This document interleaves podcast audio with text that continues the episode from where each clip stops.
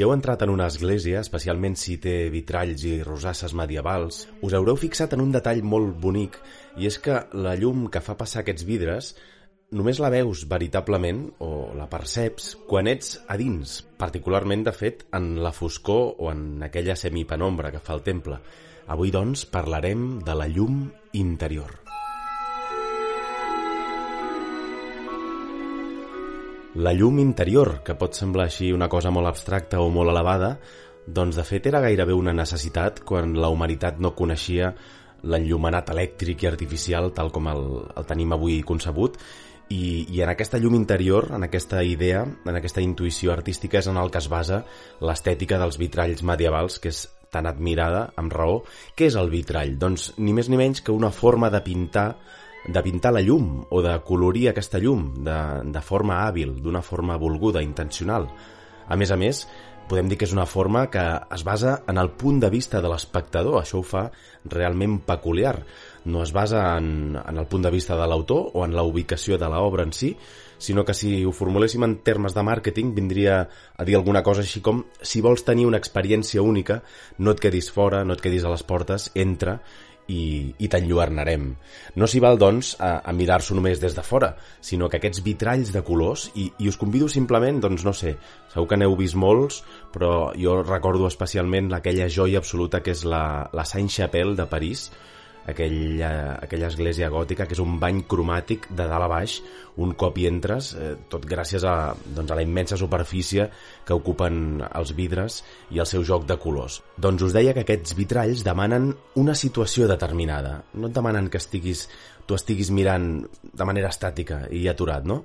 Sinó que demanen un capteniment, un angle particular. Has d'estar en un lloc determinat per poder-ho veure i poder-ho sentir.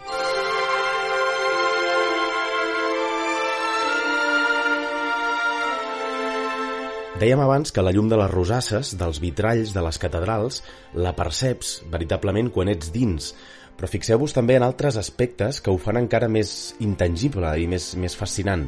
Primer és que la llum no prové d'aquests vidres, és una obvietat que cal ressaltar, prové del sol, prové de la llum natural, de la mateixa manera que l'aire que passa per una flauta no pertany, no diríem que pertany a la flauta, però en canvi l'instrument, aquesta és la clau de tot plegat, està dissenyat per fer-lo passar de manera que, que no puguem ser indiferents quan ho escoltem.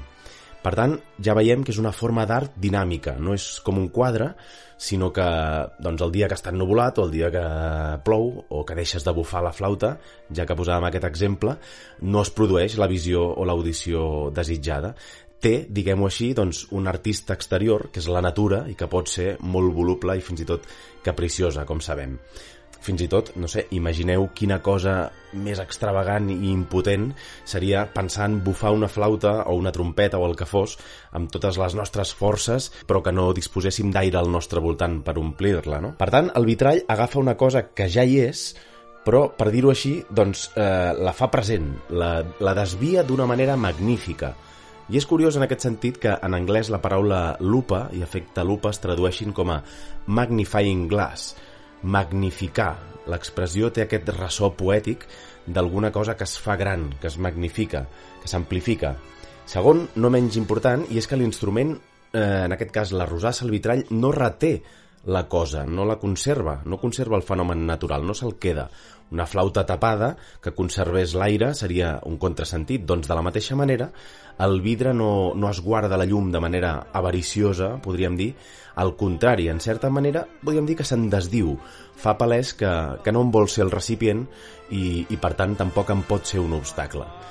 La veritat és que jo, com a amant de l'art medieval, però també de, de París, en aquest cas, i de l'imaginari de Disney, ja sabeu segurament per on vaig, si abans he citat la Saint-Chapelle de París, no puc evitar pensar en la meravellosa pel·lícula, sobretot des d'un punt de vista visual, pictòric, que és El Japerut de Notre Dame, l'adaptació de la novel·la de Victor Hugo, dels anys 90, d'aquell segon renaixement de, de la Disney, eh, i aquella escena tan important per al relat, per a la història, en què la gitana Esmeralda, perseguida per tot arreu, per les forces vives de, de la ciutat, del París del segle XV, pel fanatisme, doncs troba un acolliment inesperat, eh, un refugi dins els murs de la catedral. I don't know if you can hear me or if you're even there en aquesta possibilitat d'acollir-se a sagrat que es va dient en els diàlegs de la pel·lícula, fixeu-vos que hi ha una paradoxa curiosa, si més no.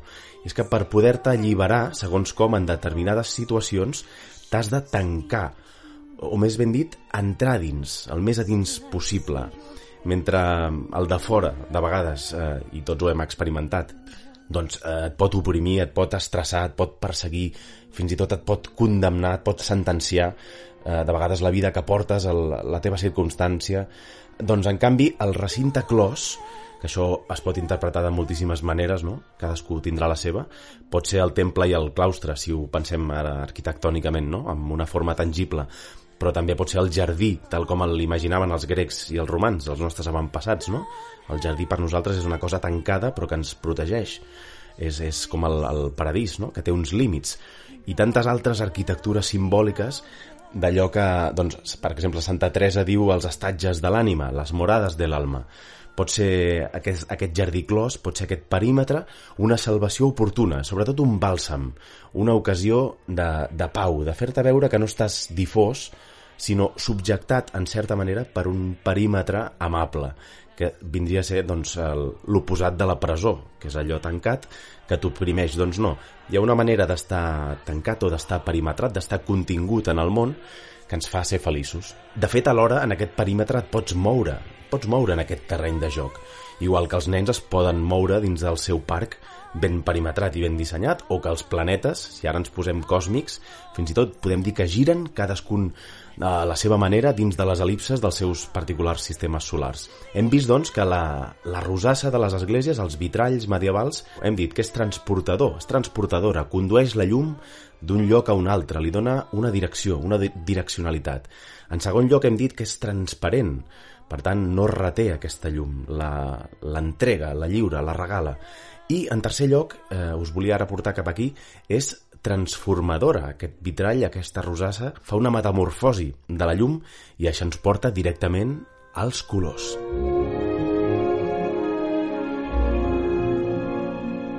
Els colors són importantíssims a, a la nostra vida, en la nostra experiència, i si parlem dels vitralls, evidentment no es poden entendre sense aquesta multiplicitat i multiplicació dels colors, de diferents tonalitats de color, que, igual que la llum, eh, per poc eh, us hi pareu a pensar, doncs són una categoria difícil de definir. És una mica que ens llisca entre les mans. El, els colors són físics però no palpables. Són objectivables, diuen alguns, en el seu mecanisme, si parlem de les longituds d'ona, etc etc, però no descriptibles. I en aquest sentit, us animo a fer el simple exercici de descriure, no sé, què és per vosaltres, o què és simplement el color vermell, o el, o el color blau, o el color lila, o el color verd, el color taronja. Us adonareu que al cap d'una estona el cap us comença a treure fum, comença a col·lapsar alguna cosa allà dins perquè els colors, doncs certament són una experiència que no va pels conductes de les coses analitzables, té aquesta categoria especial. I aquí faig un parèntesi, i és que L'historiador francès, Michel Pastoró, estic molt francès avui en les referències, no sé què em passa, potser és que vaig a París d'aquí a poc, doncs això, Michel Pastoró, l'historiador, eh, que és un autèntic erudit en la matèria, en la història cultural dels colors, fins i tot ve a dir que la llengua hauria de tenir un estatut propi per als colors, que no són ben bé ni adjectius ni substantius, és a dir, que no són ni una mera propietat o un estat de les coses, però tampoc podem dir que són éssers immutables en el temps i en l'espai. Els colors no són això tampoc. Wittgenstein, el filòsof, es pregunta allò tan provocador de si les roses són vermelles dins la foscor, si segueixen sent vermelles quan és, quan és fosc, quan apaguem el llum, o bé som nosaltres, aquesta seria una mica la continuació imaginària de l'aforisme, que les fem ser vermelles o que la, les descobrim, que descobrim amb la nostra capacitat o sensibilitat de mirar aquesta vermellor que estava potser latent, que estava dins de la rosa però que no era manifesta. Fixeu-vos que eh, amb això hem fet un camí de tornada. Hem anat a parar ben bé el mateix. Començàvem parlant de les rosasses, són aquestes finestres circulars de les esglésies amb vitralls de colors que es diuen així, es diu rosassa perquè imiten simbòlicament el florir de la rosa, l'obertura d'una flor. I podríem dir que el mateix pensament ens val per a totes dues formes que tenen aquesta relació metafòrica. I és que hi ha coses que només es veuen des de dins. Per veure d'una banda doncs, el vermell de la rosa, necessito la finestra del, del meu propi ull, el recinte transformador del nervi òptic, doncs igual, per veure la llum no n'hi ha prou de parar atenció a l'exterior, sinó que s'escau accedir a la dimensió íntima, per dir-ho d'alguna manera, traspassar l'altra banda de la finestra i veure com ens retorna aquesta realitat lumínica, aquest, aquest ull transformador que també és la rosassa. De fet, si heu estat a Roma, el Panteó, aquest edifici magnífic de l'arquitectura romana antiga, té a dalt de tot aquest forat, eh, aquesta obertura que se'n diu l'òculus, per similitud amb l'ull, que d'una banda percep la llum, però per altra banda també la, la condueix i la projecta.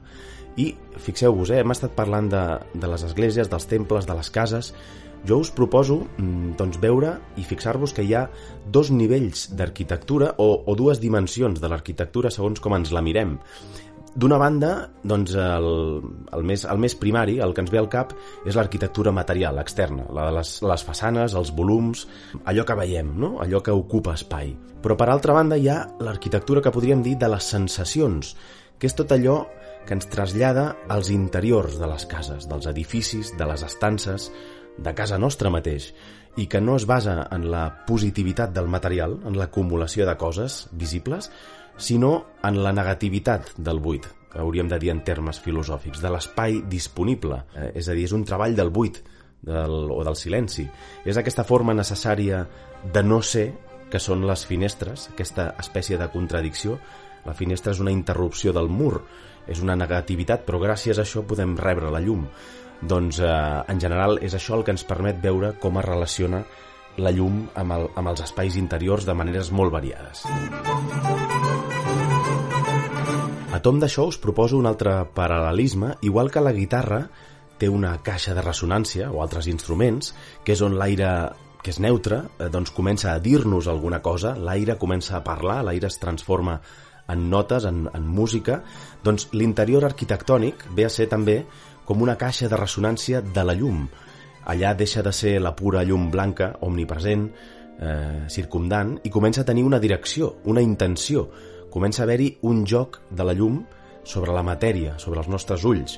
Eh, la llum comença a pintar colors, a generar clarobscurs. I això és el que li passa a la gitana Esmeralda. Abans parlàvem de la pel·lícula del Japerut de Notre Dame, eh, famosa pel·lícula que tenim doncs, molt gravada a la retina els que vam ser nens durant els 90, Uh, I és que ja no és el sol universal, la llum indiferent que brilla damunt de tots els caps, sinó que quan uh, aquest, aquest personatge entra dins de la catedral de Notre Dame, la llum de les rosasses comença a parlar-li personalment a ella. De fet, fixeu-vos que, en un sentit estètic, apreciem molt més el sol quan el veiem doncs, en una perspectiva obliqua, eh, al capvespre particularment, ho veiem, no?, la típica foto d'Instagram d'un capvespre, no? En canvi no fem generalment fotos al sol a les 12 del migdia, no?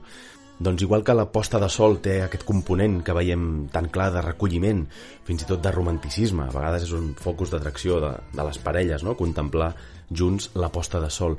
Doncs entrar en una església o entrar al Panteó de Roma, entrar en qualsevol lloc on la llum estigui fent algun tipus d'interacció, veure les refraccions i reflexions de la llum al voltant, seria com posar-se de cop uns auriculars i tot aquell soroll, aquella xerrameca que flotava al nostre voltant, tot d'una es converteix en paraules, en melodies que van directament a tu, que se't diuen a cau d'orella.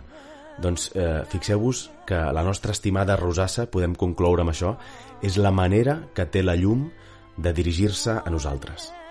I això és tot per avui. Us he proposat aquesta forma diferent de mirar els vitralls medievals. Hem parlat d'aquesta arquitectura de les sensacions. Espero que us hagi agradat. I ja ho sabeu, no deixeu mai de donar la tabarra.